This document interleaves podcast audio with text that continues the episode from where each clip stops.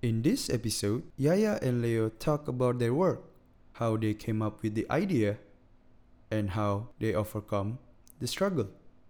This is PSK Podcast. Hey everyone, welcome back to PSK pada suatu ketika episode 40. Kalau gak salah gue bakal ngomong hal itu lagi setelah interview ini dimulai. Yes, lu bakal dengerin interview antara gue dan Yaya dan Leo. Yaya dan Leo adalah founder dari Little One ID yang nge-provide makanan untuk bayi berumur kurang lebih setahunan. Gue dapat kesempatan untuk ngobrol dengan mereka. Sorry banget kalau productionnya jelek as always kalau misalkan lagi interview. But yes, mungkin di kesempatan kali ini lu pada bisa dengerin cerita mereka, gimana cara mereka ngelawan apa pun yang mereka alamin sampai ke detik ini dan cerita mereka mengenai food science itself. Jadi lu pada kalau nggak ngerti tentang food science dan pingin denger informasi lebih dalam tentang gimana sebenarnya orang tua mereka itu nggak ada bisnis related to what they are doing right now. Jadi lu pada bisa dengerin ini mungkin uh, hopefully uh, bisa berguna untuk lu pada and also mungkin episode kali ini rada serius kalau lu pada mau denger yang rada bercanda bukan rada bercanda lagi isinya bercanda doang full entertainment uh, you all should wait till next week karena minggu depan gue bakal ngobrol sama Kakra dan Ariel uh, yang kontennya receh abis so yeah. lu pada bisa nunggu kalau pada pingin yang entertainment but yes totally welcome kalau pada mau dengerin episode kali ini so yeah. silakan mendengar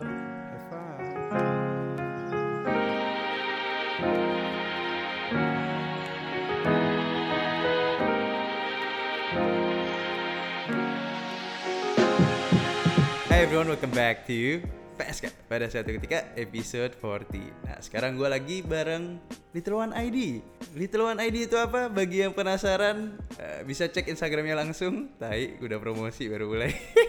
Anyway, yes, gue lagi sama foundernya Little One ID Yang buat provide uh, makanan-makanan untuk bayi. Umurnya ya kurang lebih setahunan. Uh, Dua-duanya foundernya adalah teman gue.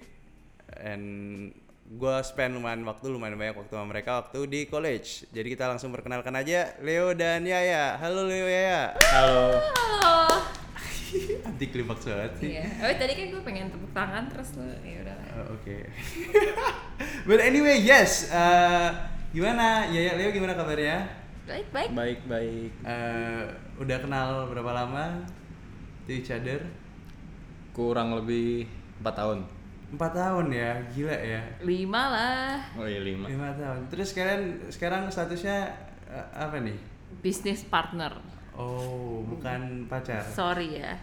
Oke oke jadi alasan gue bikin podcast kali ini itu eh, sebenarnya gue pengen tahu gimana sih kalian bisa tiba-tiba bikin ide kayak out of nowhere di mana semuanya lagi zaman zamannya bikin kopi or bikin fusion food terus lu berdua nyeletuk kayak tiba-tiba oke gue pengen bikin bisnis tentang bayi kenapa pernah kepik- pikirannya dari mana tuh pikirannya dari mana Kamu dong. Hmm, kalau gua pribadi sih gua kan demennya hobinya olahraga. Eh, awalnya tuh gue pengen bikinnya tuh healthy catering yang biasa. Which is sudah banyak juga.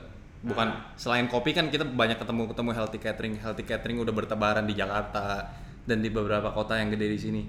Terus menurut gua kenapa nggak kita buka healthy catering juga tapi yang something different ya buat anak-anak gitu, buat baby gitu. anjing tapi jauh banget anjing kayak maksud gue kayak oke oke oke. Apa hubungannya lu bikin kayak oke kan lu healthy catering nih. Healthy catering yang untuk orang dewasa lu salad gitu macam Eh, kenapa nggak lu targetnya kayak waktu itu lansia atau mungkin yang eh, buat anak-anak biar mereka bisa suka salad kayak kenapa harus baik gitu apa yang inspired lu untuk lebih dari itu Simple aja sih menurut gua karena saingannya belum banyak. oh jadi waktu itu Iya. lu bikin ini lu Ya, nggak- masih bisa dihitung jari lah saingan. Oh, kalau nggak salah tuh eh, ya ada ponakan ya berapa tahun lalu ya? Ya. Gara-gara itu apa? Apa gara-gara itu lu pada lu pada lagi nyari-nyari gimana cara kasih makanan bayi yang bener atau gimana sih sebenarnya? Ya enggak lah. Soalnya kan eh, cici ipar gue yang lagi mengandung saat itu juga punya teman-teman tuh yang eh, punya anak lah seumuran umuran enam bulan ya kalau mulai makan itu terus ya ternyata emang ada masalah di mana oh makanan bayi itu ternyata nggak segampang itu nggak nggak segampang oh eh, tinggal rebus nasi tinggal tinggal masukin daging terus di blender terus ya dikasih makan ke anak lu ternyata nggak segampang itu gitu Eh, ternyata anak lu pun juga butuh lima sehat eh, empat sehat lima sempurna jadi Hah? setiap makanan yang lu kasih ke anak lu tuh memang harus terdiri dari karbohidrat, protein, sayur-sayuran, lemak. lemak vitamin dan Iya. segala macam Ya dan eh, masalah yang lainnya tuh nggak nggak gampang untuk menyiapkan makanan itu tiga kali dalam sehari gitu. Jadi eh, anak kecil tuh makannya cuma sedikit sedikit. Terus sedangkan lu beli makanan bahan bahan mentahnya tuh nggak bisa sedikit sedikit kan. Jadi lu harus beli dalam jumlah yang banyak. benar, nah dan belum tentu anak-anaknya tuh mau makan lagi.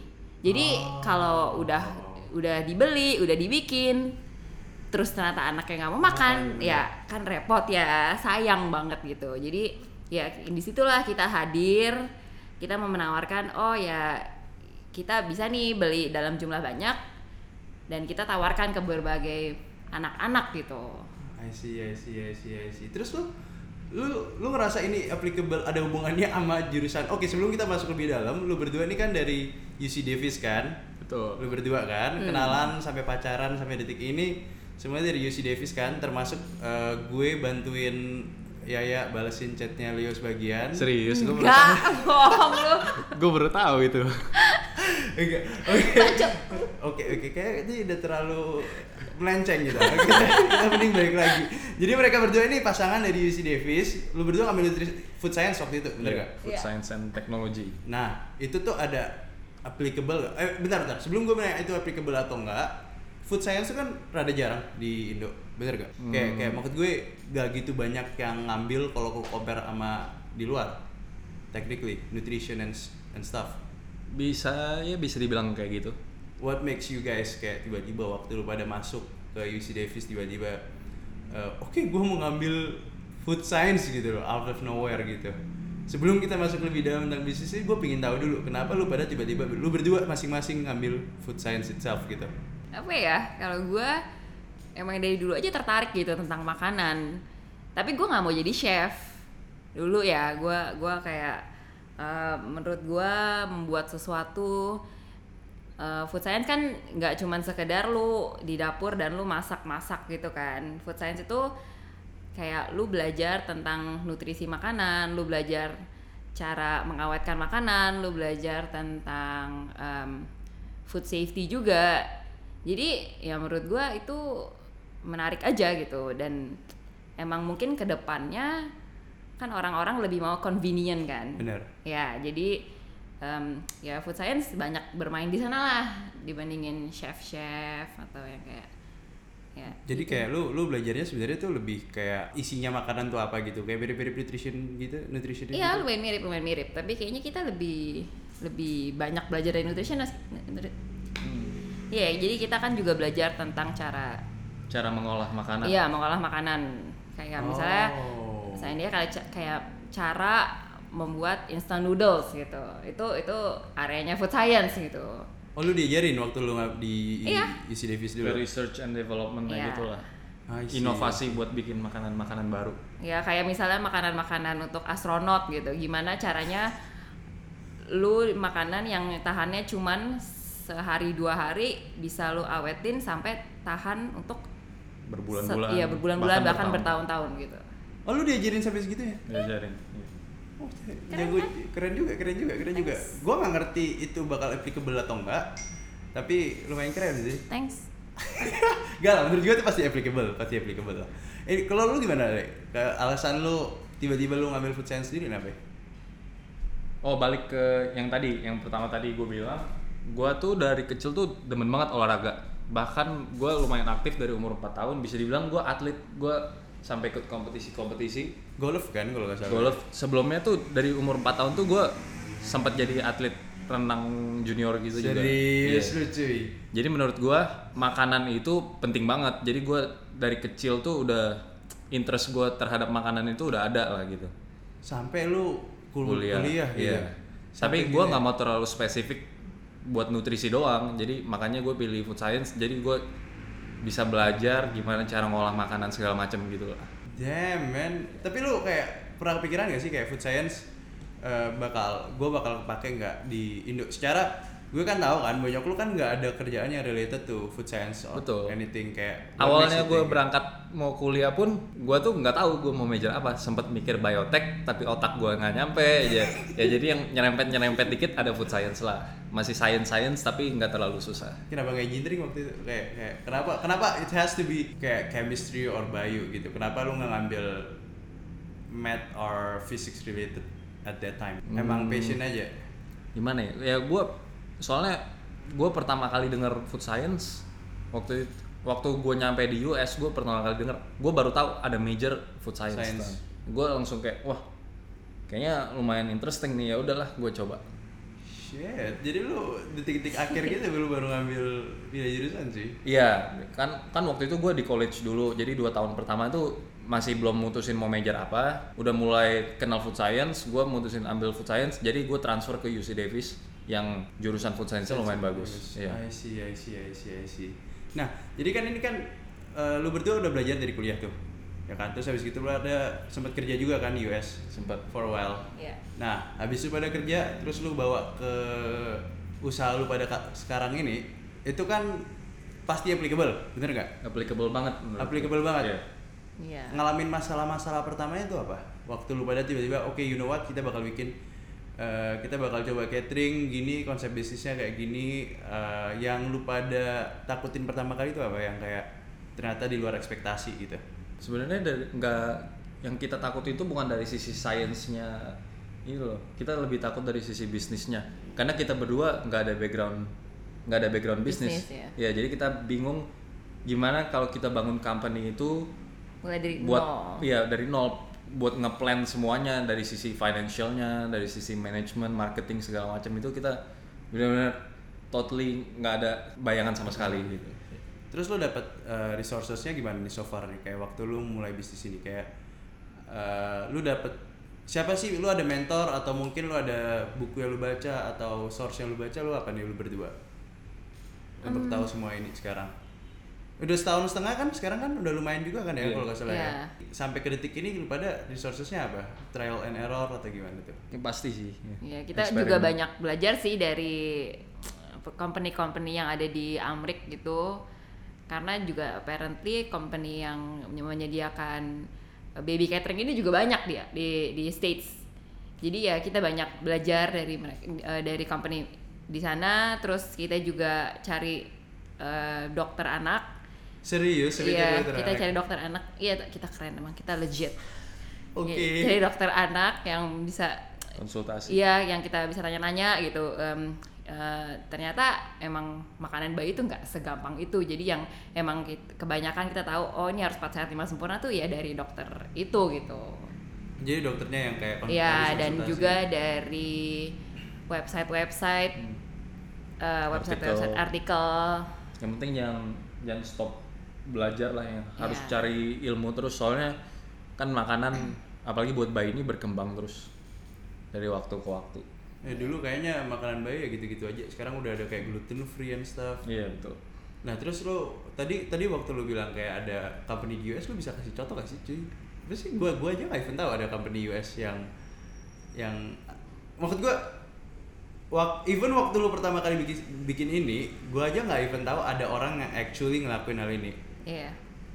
Emang company apa? Yummy ya. Ya, Yumi, Yumi. ya, Yumi. Iya, itu salah satu. salah satunya ya ba- banyak lagi sih sebenarnya kalau misalnya kalian Google banyak gitu yang Baby catering gitu? Iya, baby catering. Oh, I see, I see, I see. Lu terus terus lu kalau misalkan lu ngajak ke dokter gitu, kan tadi kan itu dari science side-nya lu nanya ke dokter ya kan? Hmm. Kalau lu secara bisnis, lu mungkin bisa ngomong bokap lu kayak atau siapa gitu.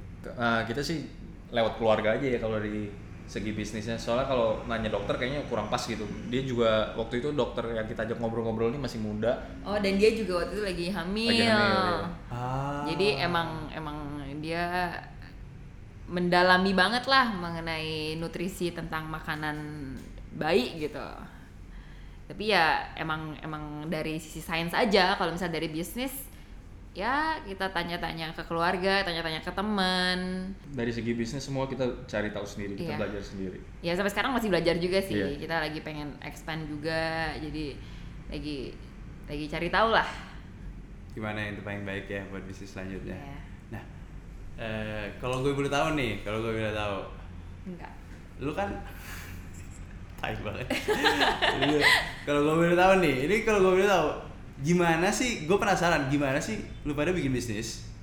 Lu pada ini kan secara pacaran, ya kan, masih labil, belum nikah, pasti pernah ada rasa-rasa nggak enak, ya berantem, even a small things gitu kan.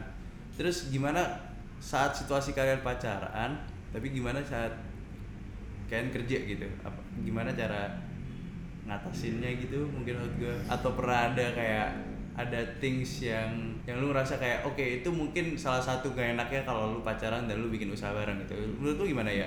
Enggak kita nggak pernah berantem. Oh. Nan- Nanti gue bantah gitu. eh, ya. Iya. Sama sa kayak ya sering lah kalau berantem mah gimana ya? Kayak dua individu tapi kita harus cari satu keputusan gitu. Ya itu sulit. Itu sulit. Kayak kan ini kita juga dalam posisi kita pacaran gitu. Jadi kalau kalau gua pun gua berharap oh gua pengen sih dia bisa mengerti gua. Gua pengen dia bisa ikutin sama pendapat gua. Tapi in this case tuh nggak kayak gitu. Karena menurut dia pun pendapat dia tuh yang terbaik untuk bisnis ini. Jadi ya ya berusaha sebisa mungkin buat nge- ngebedain lah ini ini urusan bisnis gitu dan bukan urusan pacaran gitu. Jadi harus tahu gitu mana prioritasnya. Karena kita berdua pengen supaya Little One kan makin maju. Kita Nah, kita sih. kita nggak mungkin bikin keputusan yang yang seenaknya yang kayak oh ini karena menurut gue ini paling baik nih menurut gue jadi eh, pokoknya harus ikutin gue ya kan nggak kayak gitu. Jadi kita pengen eh, ada satu keputusan yang emang oke oke mungkin ini ini yang terbaik untuk Little One walaupun gue nggak suka walaupun gue ngerasa ada hal yang lebih baik tapi ya ya udahlah kita berdua cari jalan tengahnya aja gitu. Gila ya sangat sangat musyawarah sepertinya kalian ini dalam mengajar bisnis. biasa lah ya itu eh, pro tip aja ini kan kalian soalnya udah pacaran udah 4 tahun ya ya Ya, kalau pacaran-pacaran baru jangan coba-coba ya untuk mulai usaha bareng. ya, ya boleh boleh Nggak gampang. Gak, gak, iya, makanya juga kalau udah pacaran lama tuh biasanya udah udah saling ngerti, udah saling ya ngalah ngalah ngalah itu. Kalau pacaran baru tolong jangan ditiru. Nah, kalau sekarang misal nih, gue yang penasaran lagi, ya, gue gue penasaran lagi, lu ada tip gak eh, buat orang-orang yang pingin buat usaha tapi nggak berhubungan sama apa yang orang tua orang tuanya yang lakuin gitu. Kayak kayak menurut gue kan ini industri baru literally baru. Sesuai sama passion lu pada lu pada ada nggak kira-kira pro tipnya gitu buat orang-orang? Sebenarnya pendengar gue tuh banyak yang bikin bikin usaha cuy. Tapi kayak pendengar Oh, gue iya. kayak aduh gimana ya? Gue takut nih gue takut bikin usaha. Waktu itu apa sih yang ngebikin kalian kayak udahlah tai lompat aja. Gue pernah baca nih, kalau nggak salah ya, kalau nggak salah menurut Hairul Tanjung. Siap Siap. Katanya kalau lu mau mulai usaha itu, lu jangan mikirin duit yang bakal lu dapet. Yang penting lu mulai dulu. Kalau lu mikirin duitnya, itu usaha nggak bakal mulai-mulai. Soalnya lu bakal banyak pertimbangan. Oh, gue bisa kehilangan duit karena ini, resiko ini, resiko itu. Jadi yang penting tuh lu mulai dulu. Terus kalau mulai usaha juga, yang penting tuh bisnis plannya dulu. Lo harus ada bisnis plan. Jadi lu nggak buta lah nggak di jalan di tengah jalan lu oh gue mau ini mau ini mau ini mau itu yang penting Iya, ya betul. ada harus ada guide-nya dulu Iya. Karena kan bisnis nggak selalu bisa sesuai dengan uh, kemauan kita ya. Jadi Hmm. harus harus selalu inget lah oh tujuan gua dari awal tuh ini gitu. Jadi nggak mencong-mencong gitu loh. mencong mencong Kenapa sih? bahasa apa gitu tapi tapi kalau misalkan kan lu mulai bisnis pasti ada obstacle kan pasti ada setbacksnya. Setbacks terbesar menurut lu itu apa? Kayak apa sih masalah terbesar so far kalian udah kerja ini usaha yang bikin kalian berkesan dan bener-bener bikin kalian belajar gitu? Kalau lu mau mulai bisnis tuh lu harus yakin sama diri sendiri at- atau dengan partner lu juga. Lu nggak bisa dengar terlalu banyak masukan dari orang kanan kiri yang soalnya di di sisi lain orang yang support lu itu banyak juga orang yang ngeraguin lu, orang yang nakut-nakutin lu, yang kasih lihat lu sisi negatifnya dari bangun bisnis segala macam. Menurut gua lu terjang aja semuanya. Jadi menurut lu yang paling salah satu setbacks lu waktu lu bikin usaha ini dari noise dari people around you. betul. Itu soalnya bikin bisnis tuh yang gak gampangnya ya. Kalau lu jadi karyawan, kalau lu kerja sama orang tuh lu udah dapat fix income gitu. Lu ya per bulan lu udah tahu lu bakal dapat gaji sekian juta gitu. Tapi Ya. kalau bisnis ini kan lu beda. Ada ya buat beberapa bulan bahkan beberapa tahun pertama itu lu income itu nggak fix. Jadi kalau misalnya lagi laku banget ya lu tajir banget. Tapi kalau lagi sepi ya lu harus makan Indomie tiap hari gitu ya. Lu harus lu harus siap buat kalau lu mau sukses lu harus siap buat gagal juga menurut gue itu. Siap, siap, siap, siap. Lu gimana ya? Lu jangan dengar tikir dong. Kita juga pengen tahu. Kalau ini kan yang dari Leo, gue yakin waktu dari lu juga. Ya emang nggak boleh sama. Ya pasti ada yang beda, ada pasti ada saat di mana lu kayak ngerasa ini nih, ini gue paling paling berat di bisnis nih, bagian ini nih gue nih. Ya, tadi udah disinggung sedikit sih sama Leo ya masalah kalau di saat bisnis ini tuh lagi stagnan atau di saat bisnis ini lagi turun banget. Gue tuh orangnya lumayan gak sabaran. Jadi kalau misalnya, ya?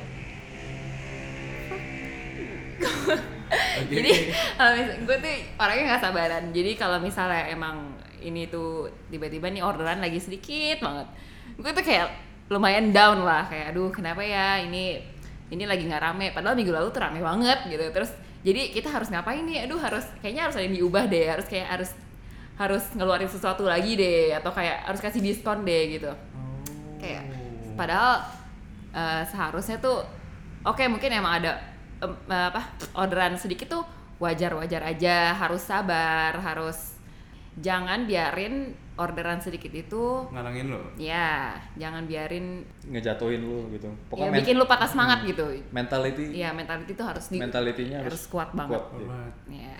itu Tapi kalau gue boleh jujur ya, kalau gue boleh jujur, waktu pertama kali lu pada bikin bisnis ini, gue tuh lumayan kaget loh. Gue lumayan kayak, hah, Tenang gila aja. mainannya bayi loh. Iya, bukan lu doang kok. Itu itu juga datang dari keluarga keluarga kita gitu. Jadi kayak, aduh kamu yakin ya mau bisnis ba- bayi gitu kan? Bayi nggak gampang. Bener, bener, bener. Kayak eh, anak apa orang dewasa aja catering masih bisa sakit gitu. Gimana kalau bayi bayi yang yang imun sistemnya aja belum berkembang dengan baik gitu. Bener, bener banget. Iya, tapi hmm, Terus lu, we're here. lu pada gak pernah takut sih, gak pernah, gak pernah kayak quality control gitu. Kayak SOP-nya udah disiapin terus ya mungkin ya. Ya makanya itu sih yang yang menurut kita kita dapat dari food science. Itu Oh, yang kita SOP. dari Iya. pengalaman kerja kita. Kita kan dulu sempat habis baru lulus kuliah kita juga sempat kerja. Kebetulan itu itu makanya tadi gue bilang applicable banget. Oh, di, Iya. SOP-nya gimana caranya? Dari Iya, food soalnya- safety lah. Ya kem- eh, kebetulan kita tuh kerja kita sama-sama food science, tapi kita waktu kerjanya kita em, bagiannya beda departemennya. Si ya ya ini departemen food safety yang ya tentang apa tuh audit audit gitu ya buat Ya, makanan. iya. Kalau gua tuh dapatnya di quality control quality assurance, jadinya bener-bener itu kayak dua aspek yang dibutuhin banget kalau lu mau mulai F&B bisnis gitu. Oh. Shit. Jadi kita bisa saling saling ngisi lah di kerjaan ini. asik ya kalau kalau punya usaha tuh. Jangan sirik ya. Jadi kita pede-pede aja meskipun orang bilang ini bayi susah apa gitu, tapi kita ya puji Tuhan kita udah punya sedikit ilmunya lah dari pengalaman-pengalaman gitu. Nah kan lu eh makanan bayi kata lu tadi banyak tuh. Sorry gue nyinggung dikit nih, gue gua balik dikit nih ya. Gue penasaran lagi nih. Makanan bayi tadi kata lu banyak eh, macamnya, empat sehat lima sempurna segala macam.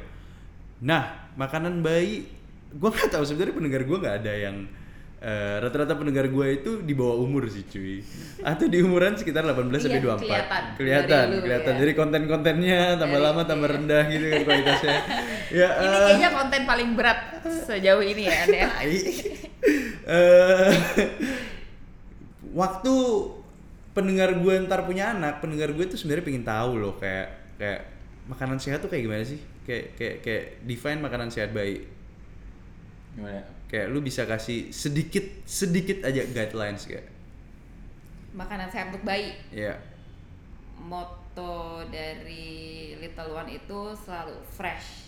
kita lihat di supermarket tuh banyak banget makanan makanan kayak gerber gitu kan yang tahannya sampai setahun kita nggak bilang itu nggak fresh ya kita juga bilang mereka fresh dan nggak pakai pengawet tapi em, kebanyakan yang ditaruh di supermarket itu tuh udah melalui banyak proses gitu loh Iya high high high pressure, high heat gitu. Jadi gizi gizi yang terkandung di dalamnya tuh udah hilang gitu. Jadi bisa dilihat juga dari warna makanannya pun udah beda gitu. Jadi rada coklat-coklat atau rada kehitaman mungkin. Ya walaupun emang itu tetap fresh, tapi kita punya bisa menjamin lah yang Little One itu nggak melalui proses eh, pemanasan yang tinggi ekstrim atau eh, emang kita juga ada batas waktunya. Misalnya maksimum tiga hari harus dihabiskan karena ya kita pengen kasih yang terbaik lah untuk anak-anak gitu. Terus iya, siap, siap, siap, siap. gue tambahin kalau menurut gua yang harus dirubah itu mindset dari orang Indonesia Gimana tuh? kalau orang Indo itu let's say lah yang umum tuh nenek lu dah. Kalau kasih makan lu harus eh nasinya nambah dong. Nasi harus banyak.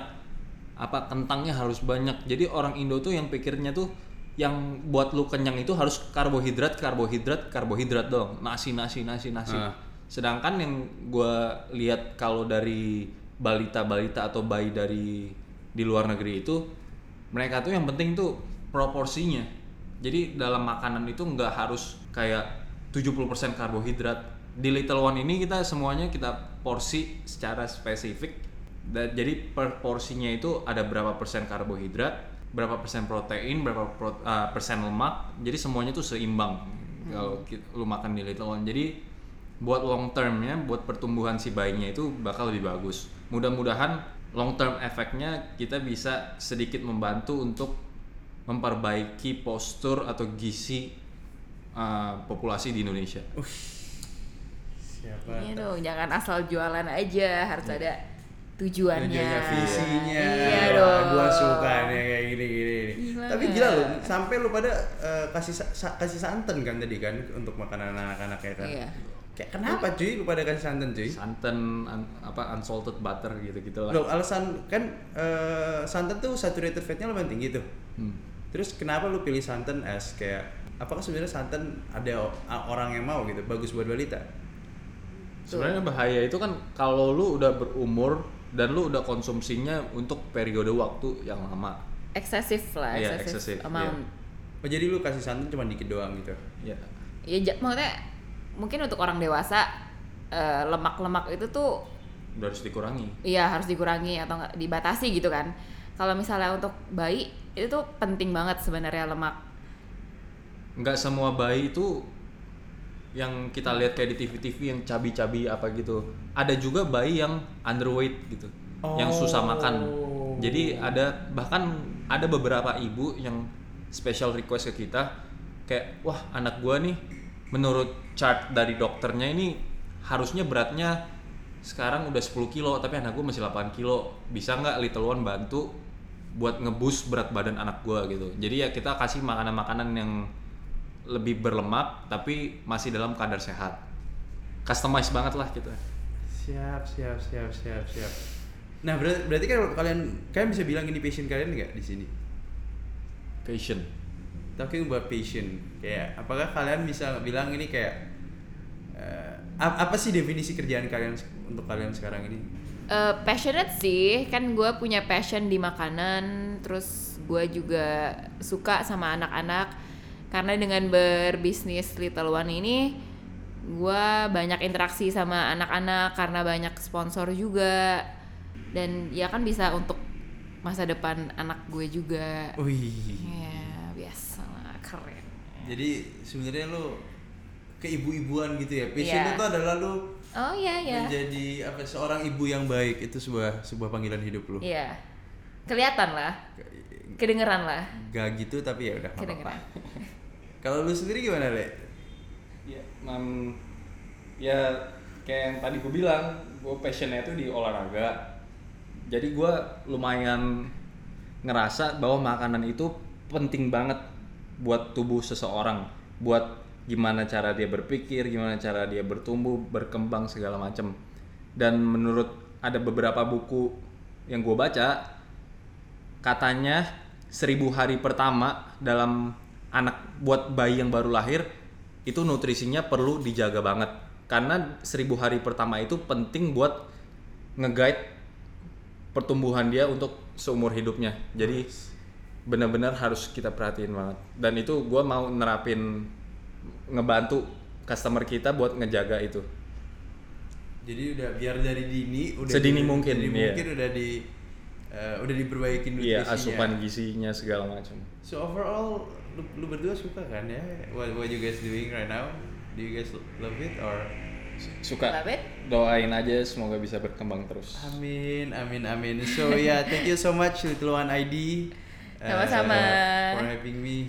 Eh, thank you juga. buat host keren Siap, pada suatu siap. ketika So yeah, that's it guys for the podcast and see ya. Bye. Hey everyone, thank you banget udah dengerin PSK Podcast sampai akhir. Di penghujung acara ini gue cuma mau ngucapin thank you for Yaya and Leo.